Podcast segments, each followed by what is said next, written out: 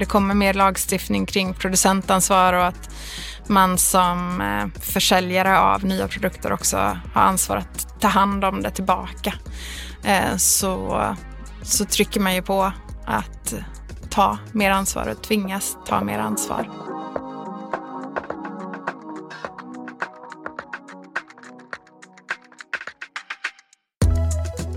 Hej alla lyssnare och välkommen till ännu ett nytt avsnitt av podden Forskarmötet. Och hej Gabriella Wolf! Hej Ylva! Hej!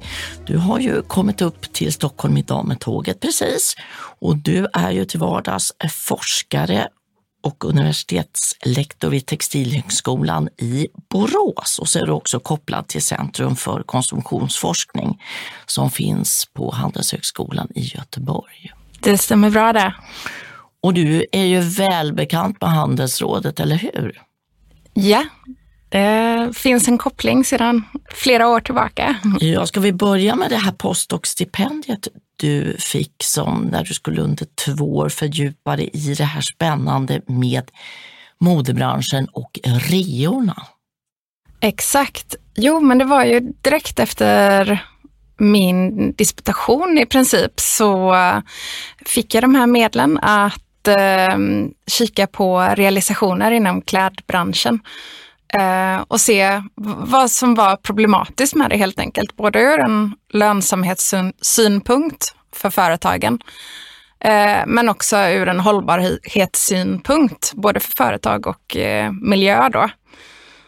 Eh, så det var helt enkelt att eh, det handlar om att problematisera och kika på vad det är som gör också att det är så svårt att komma ur den här spiralen med reor som väldigt många företag eh, använder sig av eller jobbar med. Och det tär ju på lönsamhet och det tär på resurser överlag och hållbarhet. Kan du lyfta fram någonting som du när du tänker på det idag känner att ah, det där var faktiskt en riktigt sådär eh, kraftpunkt, en punkt i mitt resonemang? Ja, det finns väl egentligen två mm, stora spår där. Den en, där det ena spåret eh, handlar om hur eh, realisationer eh, blir som en länk mellan eh, dels överproduktion, att företagen producerar för stora volymer och inte vet vad de ska göra med det helt enkelt. Eh, och dels överkonsumtion eh, där eh, man genom att sälja ut till lägre priser också uppmuntrar till en högre konsumtion än vad slutkonsumenten hade tänkt sig från början. Så det blir som lockerbjudanden och det blir klipp och, och den typen av, att det triggar den typen av konsumtion som kan anses vara överflödig då. Så det, det är ett av spåren och det är något som jag också har skrivit ett kapitel om i en eh, bok som kommer ut nu nästa höst. Eh, som handlar just om liksom, hur ser framtidens konsumtion ut? Vilka är de stora teman? Och där ett av teman är hållbarhet och hur vi eh, i nuläget då överskrider planetära gränserna. Men hur, hur kan vi adressera det framöver och, och vad ser vi för lösningar på det problemet? Så det skulle man kunna säga är ett av de stora spåren då inom eh, REA-projektet. Det andra spåret, det handlar mer om hur eh, det här har blivit en eh, etablerad praktik inom branschen och hur eh, det är något som är liksom, man tar det för givet, man gör det på daglig basis. Eh, man ser det som en lösning på det här med att eh, att det blir överblivna produkter i slutet, ja men då rear vi bara. Och man har till och med gått så långt så att man börjar rea eller sänka priserna under säsongen för att det inte ska komma till att man ska rea ut det i slutet på säsongen. Eh, och där såg jag ju att det håller på att hända någonting i branschen och att det finns en, eh, en öppning till förändring där många av företagen själva uttryckte hur problematiskt det var. Mm. Man kallade det ett nödvändigt ont. Mm. Eh, man kallade det ett misslyckande, att man inte nått ut med den här typen av produkter.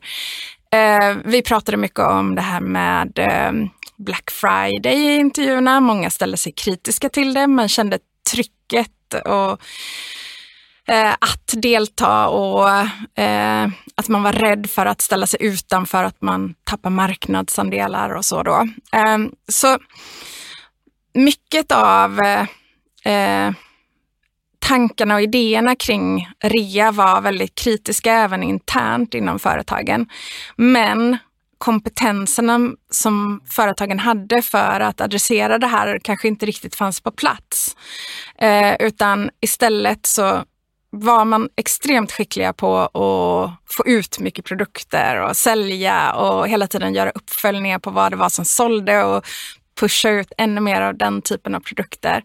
Och eh, materialen, alltså det som finns eh, inom det som praktiken då bygger på, det är ju de här överdrivna volymerna av kläder. Så att där halkar de delarna efter lite. Samtidigt analys av vad som säljer bra, det, det kan ju vara ett led i att se till att det inte produceras fel och blir för mycket över. Så det, det, det är ju ett, bra Precis. sånt analysarbete. Och det är ofta så man har adresserat de här frågorna innan, att man, man kikar på liksom optimering, eh, supply and demand, alltså eh, tillgång och eh, efterfrågan och försöka hitta det. Men hur mycket man än jobbar med optimering så når man inte riktigt fram. Eh, och då börjar väl några av företagen också inse att de behöver göra något annat. De behöver tänka annorlunda kring de här produkterna. De kanske behöver minska kollektionerna, ha färre produkter. Ehm, så att det blir mindre svinn så att säga. Eh, de kanske behöver jobba med livslängden på produkterna och att minska modegraden för att produkterna ska kunna leva under en längre period. Eh, de kanske behöver jobba med de här produkterna som de facto blir över. Eh, går det designa om? Går det lägga till ett broderi eller sy om? Det kan ju hända att en vara inte säljer för att konstruktionen är fel.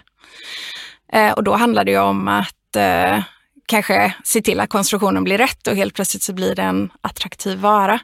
Så det, så det gäller väl att utmana sig lite där i, i hur man jobbar och att kanske inte fortsätta i samma hjulspår. Och, och, det finns en del initiativ som pekar åt det hållet, att man försöker tänka annorlunda. Och... Har du sett när du har, har borrat i det här att det är några större aktörer som gör det här mer storskaligt eller är vi fortfarande på mer experimentnivå hos de stora och så kommer det uppstickare som gör, vi gör bara basplagg eller vi gör bara basplagg för träning. Just ja, ja alltså det man skulle kunna säga är väl att svårigheten för i princip alla företag är väl att hitta lönsamhet i den modellen. Eh, och även de då uppstickarna som bara gör basflagg behöver hitta ett sätt att eh, vara relevanta eller intressanta för kunden och komma med någon slags nyhet någon gång. Eh, så det kan eh, det är kanske inte är så konstigt att de här uppstickarna har de här innovativa idéerna från början, men lite så blir det också med tiden att man kan dra åt, åt ett håll där man också behöver ha nyheter eller andra typer av designs och, och så. För att kunna, för att det handlar ju vi pratar ju mycket om hållbarhet i termer av eh, ekologisk hållbarhet och miljömässig hållbarhet. Eh, men vi pratar kanske desto mindre om både social hållbarhet som vi pratade mycket om på 90-talet och 2000-talet, men också framförallt ekonomisk hållbarhet. Ja, hållbarhetens tre ben. Exakt. Eh, så att för att ett företag ska kunna fortsätta bedriva sina, eh, sin business, eh, sitt företag, så krävs ju att de också har en, en profit, liksom, att, de, att de går med vinst. Eh, eller går runt åtminstone. Eh, och det är väl den, den skärpunkten som många tycker är väldigt svåra. Eh, att eh, hitta ett sätt att gå med vinst men ändå ställa om till mer hållbart. Och eh, du frågade innan om det var om det här är mer som små experiment och, och, det blir det ofta många gånger för att det blir ofta väldigt svårt att hitta lönsamhet i de här lite mer hållbara modellerna. Uh, så tyvärr så, så kan de liksom ja, fa falla ut lite, att det mattas ut de här initiativen. Om man backar lite grann, bara, vad skulle du säga är huvudorsaken till överproduktionen? Att i det stora loppet, om man inte tänker på hållbarhetshänsyn eh, så är det billigare att producera för mycket. För det är ju ändå arbetskraft och det är material och det är transporter än att vara lite mer specifik och mindre volymer. Vad är det som gör att det faktiskt till synes har lönat sig så pass bra att det går ju att blicka tillbaka i tiden för att se spåren som har liksom banat vägen för den här typen av industri. Att eh, mm, eh, industrialiseringen och massproduktion och masskonsumtionen som har kommit eh, för decennier sedan att det har liksom bara accelererat.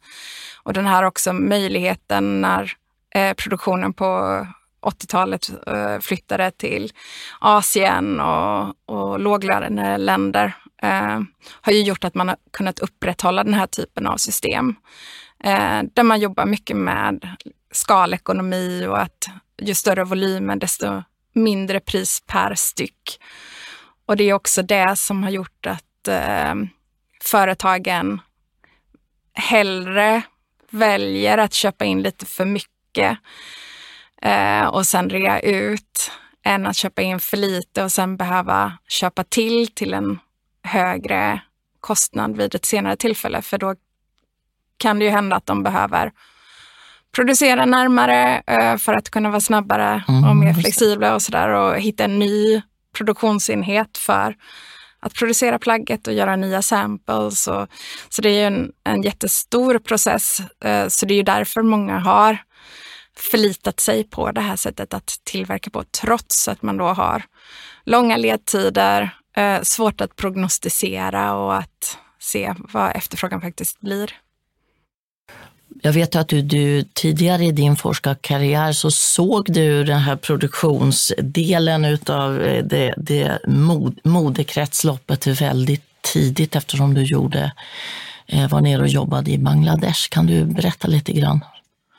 Ja, precis. Det var faktiskt, eh, ja, jag vet inte om jag skulle säga att det är en del av min forskarkarriär, men det var under tiden jag studerade. Så mm. det var redan på, eh, när jag läste mitt kandidat, eh, mitt, min kandidatexamen mm. i textilekonomi.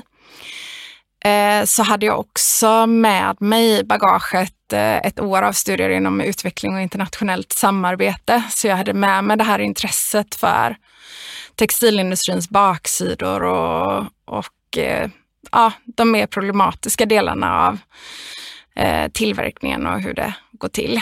Ehm, så då blev jag beviljad ett minor field study stipendium från Sida för att åka ner till Bangladesh och kika på löner inom textilindustrin. Eh, och det här var 2008 tror jag. Så det, mm, det är ett tag sedan. Det är ett tag sedan nu. nästan 15 år sedan. Mm. Ja. Eh, men då var jag ju ute i fältet så att säga och träffade både svenska köparföretag men också var ute på deras fabriker och träffade framförallt arbetare. Eh, så jag gjorde intervju med ett 30-tal arbetare och jag tror att det var sex olika managers också för att få med deras perspektiv. Och det, var, det har ju format mig väldigt mycket i hur, ja, i eh, vad jag sen valde att studera och, och att jag har fortsatt på den banan. Det var väldigt starkt eh, intryck att vara där nere och se det med egna ögon. Kan du ge någon ögonblicksbild? Ja, men ett väldigt starkt eh, minne jag har var när jag intervjuade en av arbetarna eh, som berättade lite kring eh, ja, vilken inkomst han hade då och hur också priserna inom landet hade, hade stigit extremt mycket under de senaste två åren. Eh, så han berättade väldigt tydligt hur priset på ris hade dubblerats medan lönerna var mer eller mindre detsamma. Så att eh, hans lön vid det tillfället det räckte inte ens till för att förse familjen med ris. Och då blev det väldigt också tydligt att man pratar ofta om de positiva effekterna med att eh, få ett arbete och komma ut i arbete och särskilt för kvinnor då som i det här landet kanske inte hade lämnat hemmet i samma utsträckning sen tidigare. Men det blev ändå väldigt tydligt att många ändå fastnade i en fattigdomsfälla och att de hade svårt att ta sig ur fattigdomen trots då att de jobbade eh, heltid, vilket i deras mått mätta var eh, ja, ganska långa arbetsdagar och eh, upp till sex dagar i veckan utan tvekan medvetenheten om det här som du berättar om nu, det måste vi ju ändå säga har ökat ganska markant på de senaste 20 åren. Tror du att det har resulterat i några större skillnader egentligen när man tänker på beställarnivå hos företagen? Men företagen är ju medvetna om att det här är problem och det är problematiskt. Det är också problematiskt i hur de framstår om de fortsätter att göra på samma sätt som de har gjort tidigare. Så företagen har ju på olika sätt försökt att adressera det här över de senaste decennierna. Dels genom Codes of Conduct och Sustainability Reports och Så det ena med det tredje. rapporter och Exakt. Alltså hur uppförandekoder och så har man auditörer som finns på plats mm. och ska kolla att det blir som det står i avtalet. Precis, men problemet har väl varit att trots de här initiativen så har det ju fortsatt varit en problematisk bransch. Och Rana Plaza eh, som föll för ja, några år sedan, eh, en fabrik, eh, fabriksbyggnad i Bangladesh i eh, Dhaka var det va? I Dhaka, ja, ja. Det blev ju också väldigt eh, tydligt exempel på hur hela den här rörelsen på något sätt fallerat i och med att det här var en fabrik som faktiskt var auditerad. Så det hade godkänts på pappret, men ändå så eh, var det så undermåliga eh, förhållanden, eller ja, då byggnads... Eh, byggnaden var så mm. undermålig så att det ändå var, innebar en risk att vistas där och väldigt många människor dog under den eh, kollapsen av huset. Då. Hela strukturen i modeindustrin med underleverantörs underleverantör och Eh, alltså detaljisten och så kommer ett steg till och sen äger man sällan den producerande fabriken utan det är någon annan som äger så kanske det är alltså hemtillverkning ibland som levereras in till. Det, det gör det ju ännu mer svårfångat eh, eh på något vis, eller hur? Ja, men absolut. Och det är väl det som gör också att um att det blir så svårt för slutkonsumenten och gemene man att ändå koppla ihop det man hör om hur branschen ser ut. Och nu säger jag inte att det ser exakt ut i Bangladesh så som när jag var nere där, för att det har ju ofta, eh, såklart skett mycket förändringar, men det är ändå svårt att förstå hur eh, textilindustrin ser ut och hur den är uppbyggd för slutkonsumenten. Det är svårt för företagen till och med att veta vilka dess leverantörer är. Så det, det är extremt komplext och det har också varit eh, eh, väldigt eh, vad säger man på svenska, opack. Eh, alltså motsatsen till transparent, att det har varit väldigt Svår, mycket hemlighetsmakeri. Genomträngligt. Ja, svårgenomträngligt är kanske det bästa ogenomträngligt. Eh, att det har funnits väldigt mycket hemlighetsmakeri kring vem man producerar hos och hur man producerar och att det ja, gömts undan lite.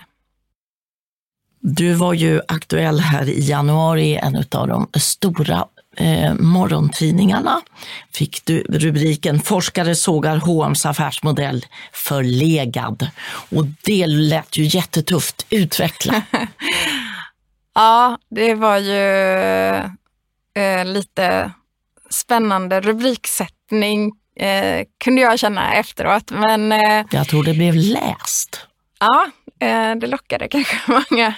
Lockade mig. Eh, men å andra sidan så fångade det väl ändå essensen i vad jag ville få fram.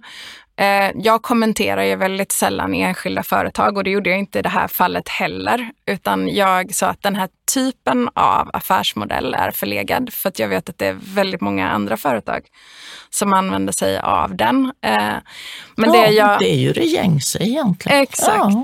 Så det jag menade på var väl det här med att arbeta med stora volymer, precis som vi pratade om innan. Man köper in till ett lågt pris, stora volymer och det som inte säljer till fullpris, det försöker man sen trycka ut eh, till ett reducerat pris och få ut så mycket som möjligt ur.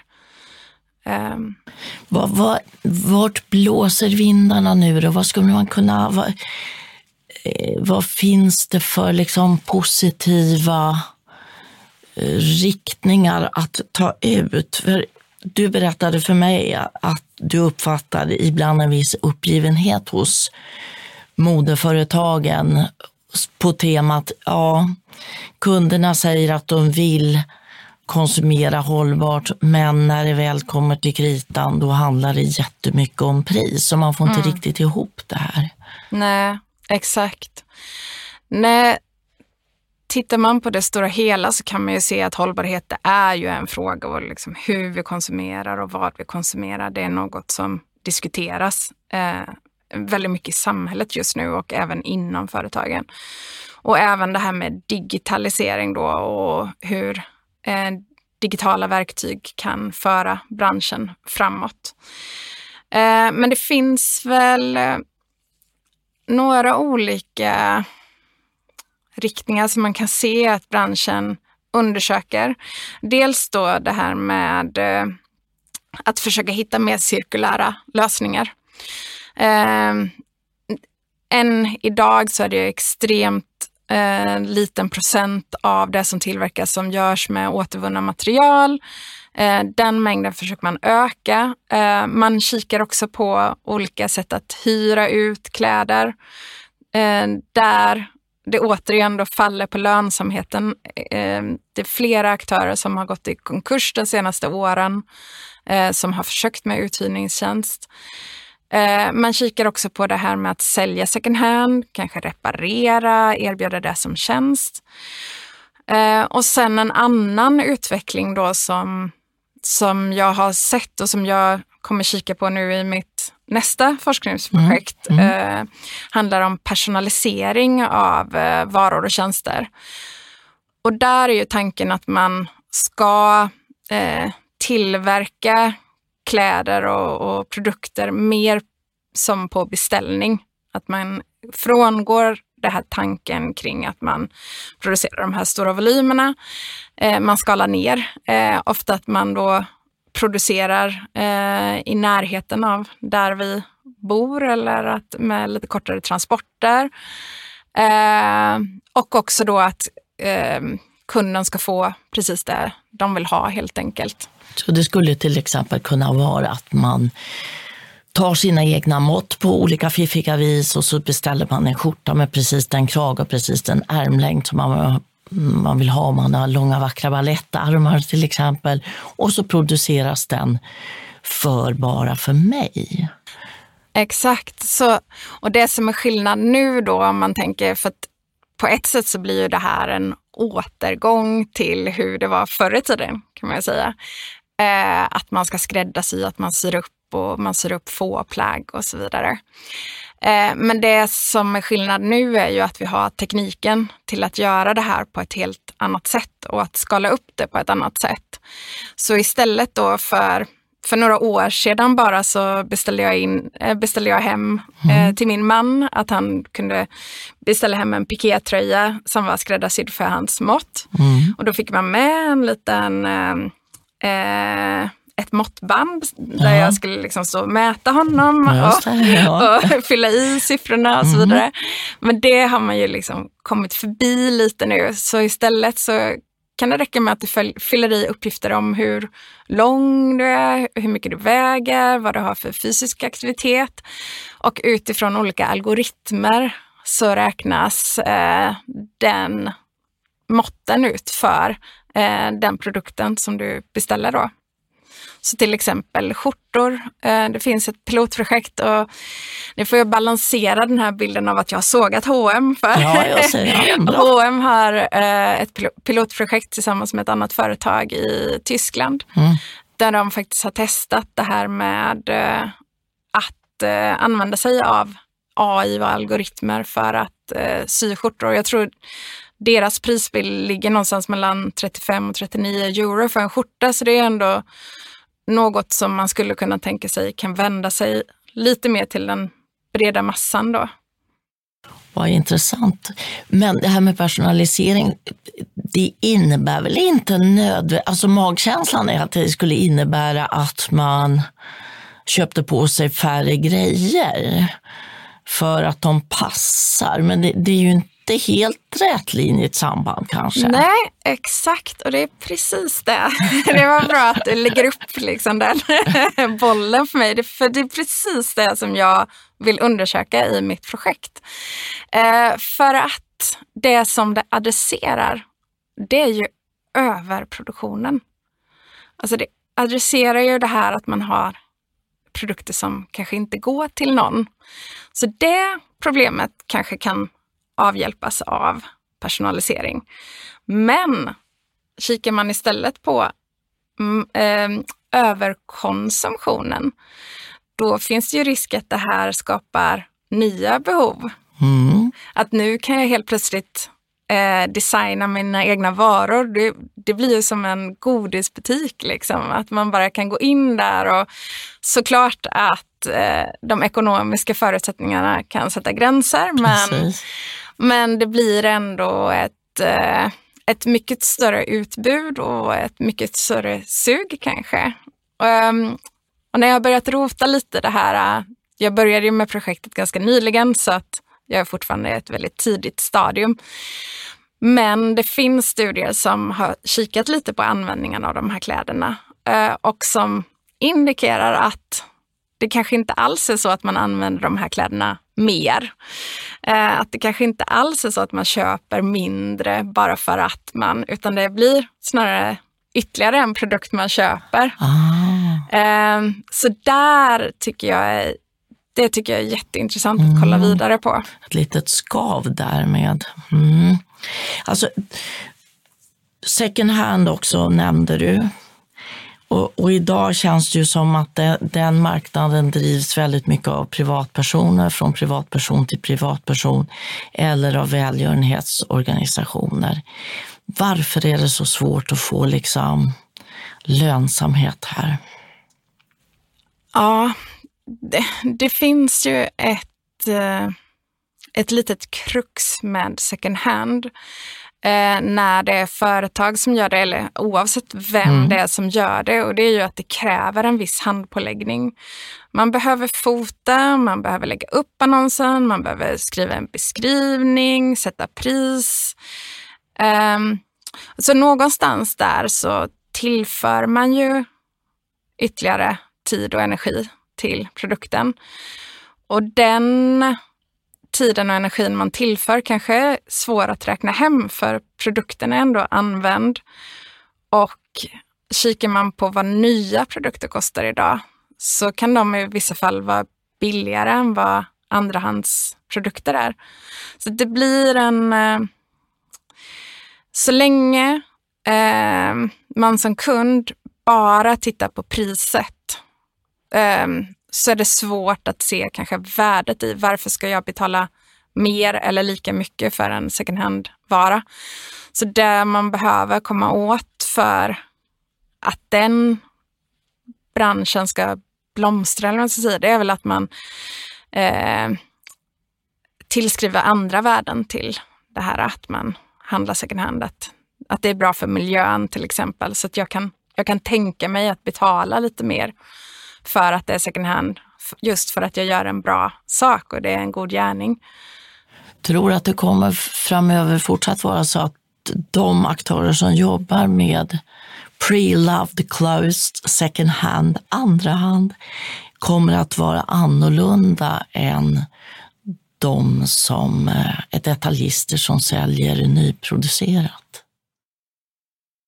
Det vi ser redan nu är väl att gränserna börjar suddas ut. Att det är väldigt många detaljister som säljer nytt som också introducerar second hand i sina, eh, i sina butiker och, och, i sitt sortiment.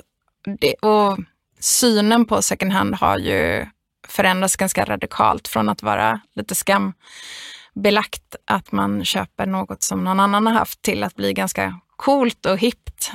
Um, så det hjälper ju också till i den utvecklingen. Um, så att jag, tror, jag tror att gränserna suddas ut mer och mer och att uh, för att de stora företagen som idag säljer nytt ska vara fortsatt intressanta och relevanta för kunden så behöver de också hitta sätt att uh, få in mer second hand i sina butiker. Och de har ju strukturen redan på plats. Mm, de har ju butikerna, de når ju väldigt många kunder, så de har ju en god förutsättning ur den synpunkten.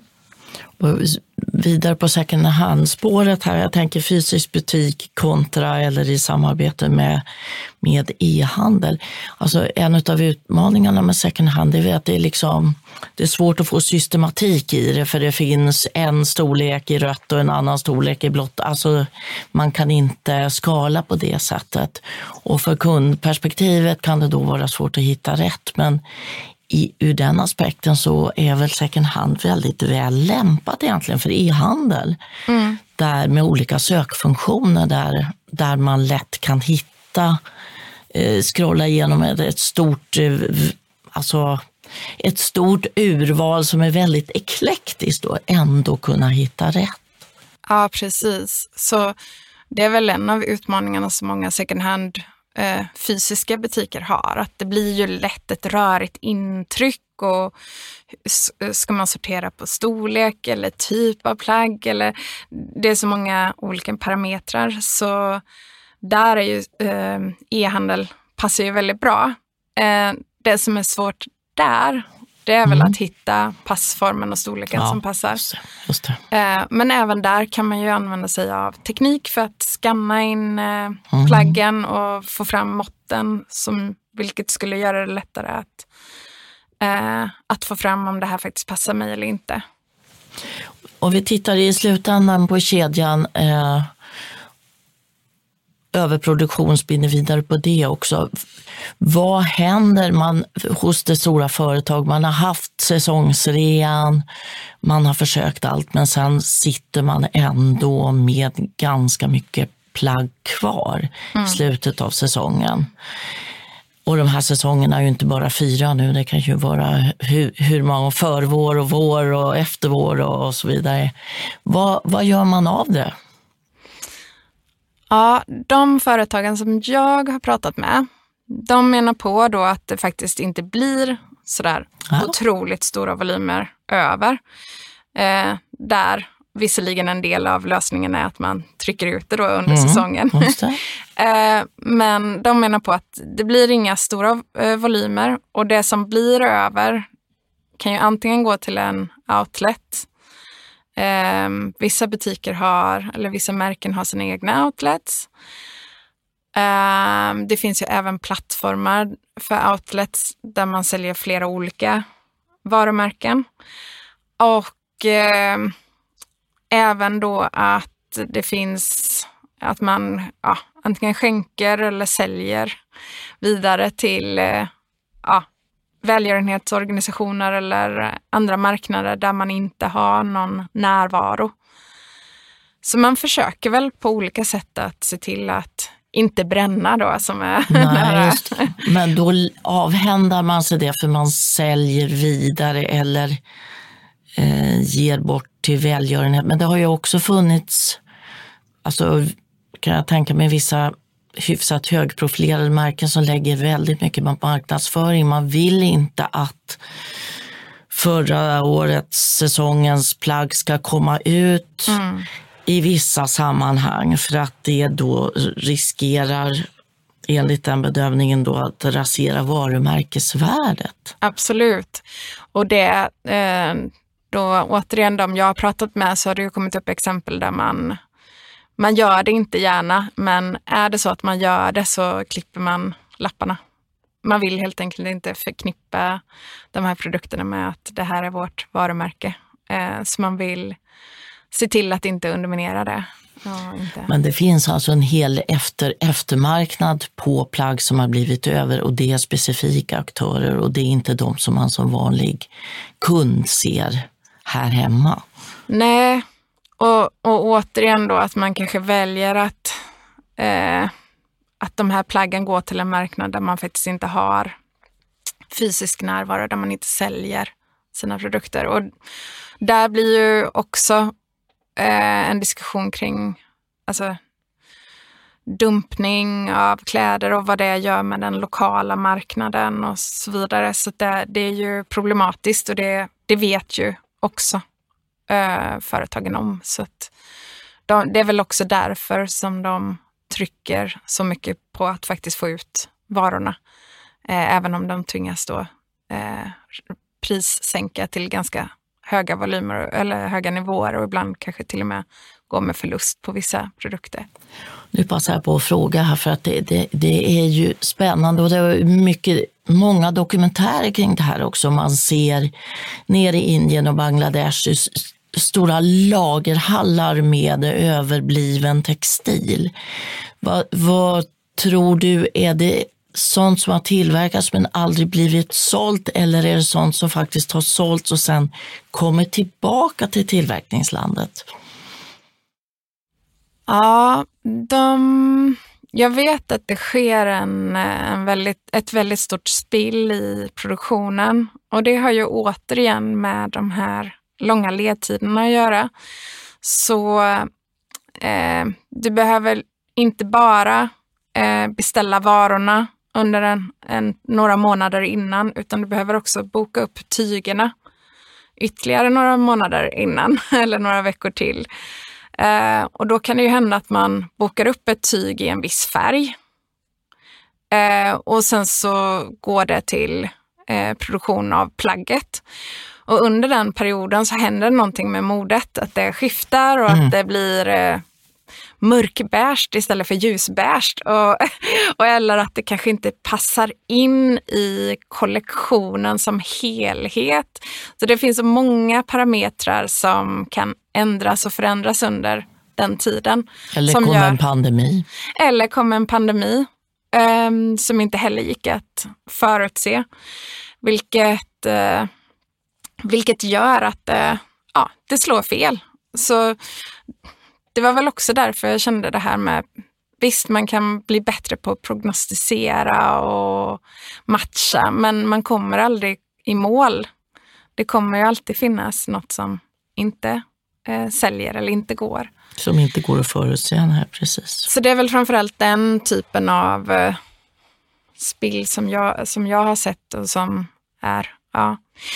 Men sen, och sen också att eh, om ett företag beställer en viss vara eh, så skickar man ju ofta samples fram och tillbaka, alltså prov, provhantering. Mm. Och är det så att eh, man kör på en eh, produktion och, och gör det storskaligt och sen blir det något fel, att knappen kanske inte sitter exakt där man skulle. Där finns ju också um, ofta en lokal marknad för den typen av produkter. Att andra sortering, eh, som vi ja, hade kallat det tror jag. Du har ju haft eh, möjlighet att glänta på dörren till eh, några aktörer, bland annat till Nordic, mm. för att och, och riktigt se vad, vad görs konkret. Eh, lyft någonting som du, du tog med dig därifrån. Just det, det gjorde jag under tiden jag skrev min avhandling, så Nude Jeans har jag följt under ganska många år. Eh, och deras arbete med att bli transparenta, eller bli det mest transparenta företaget i världen som deras eh, lite kaxiga eh, målbild var då. Eh, nej men det som jag tar med mig framförallt därifrån, det var väl också det här att de de fick verkligen rannsaka sig själva och de fick verkligen se att, eh, att transparens kanske inte handlar om att visa upp den här jättefina bilden, utan att de också var... Så att det också handlade om att eh, visa vad de gör, även om de gör saker som kanske inte är så bra. De blev ju också medvetna om eh, leverantörer och underleverantörer som de inte visste fanns. Eh, ja, framförallt underleverantörer då. Eh, så att, och också blev de medvetna om eh, problem som fanns i deras produktion eh, som de inte hade någon aning om. För Nuri då, de är medlemmar i Fairware Foundation som är eh, en organisation som eh, för att förbättra arbetsvillkoren från ett eh, detaljistperspektiv så att säga inom branschen. Eh, men de i sin tur då rankar olika länder eh, utifrån vilka risker de ser. Och där rankar de eh, många asiatiska länder som högriskländer för att det finns mycket problem där. Och de rankar europeiska länder som lågriskländer för att Eh, man tänker sig att här finns EU-lagstiftning, här finns miljölagstiftningen REACH och så vidare. Eh, och Nudi hade ju då strategiskt valt att producera eh, många av deras produkter i Europa. Men det de, när de väl började rota lite och skrapa lite på ytan så såg de ju, och de då på eget initiativ gjorde eh, audits eh, nere i Europa, så såg de ju att de också hade problem med vissa produktionsenheter, att det var undermåliga byggnader där också. Eh, elkablar som hängde ner och att det var, ja, det var också problem med immigrantarbetare i vissa fall och det var svårt att validera eh, vilka arbetarna var hos underleverantörer. Så det kom upp massa saker till ytan som de själva inte kände till. Eh, som de trodde att de hade koll på. Och det där krävs ju ett mod att kunna både se det och, och att kanske prata om det i sin, i sin informationsarbete kring vad man gör. Och, men alltså, ja, nu, nu blir jag så engagerad här, men det, det, måste ändå vara vägen fram att man vågar outa även det som inte går bra.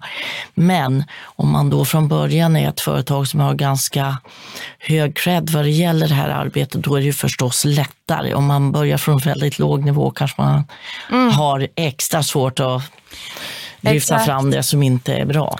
Ja, och som konsument tror jag också att man får vara medveten om att det blir ändå någon slags balanserad och någon slags redigerad bild som vi som konsumenter ser. För även om man, eh, om Nudi hade den här ambitionen om att visa allt, så är det svårt som företag att ta en aktivistroll eh, och att vara påverka, alltså bedriva påverkansarbete. För man har samtidigt den här kraven på att man ja, ska ha lönsamhet och positionera sig och så vidare. Och, och, de vill ju positionera sig som ett hållbart företag så det blir alltid en avvägning där i vad man faktiskt kan och, och hur man kan skriva om det. Eh, Ja. Såklart.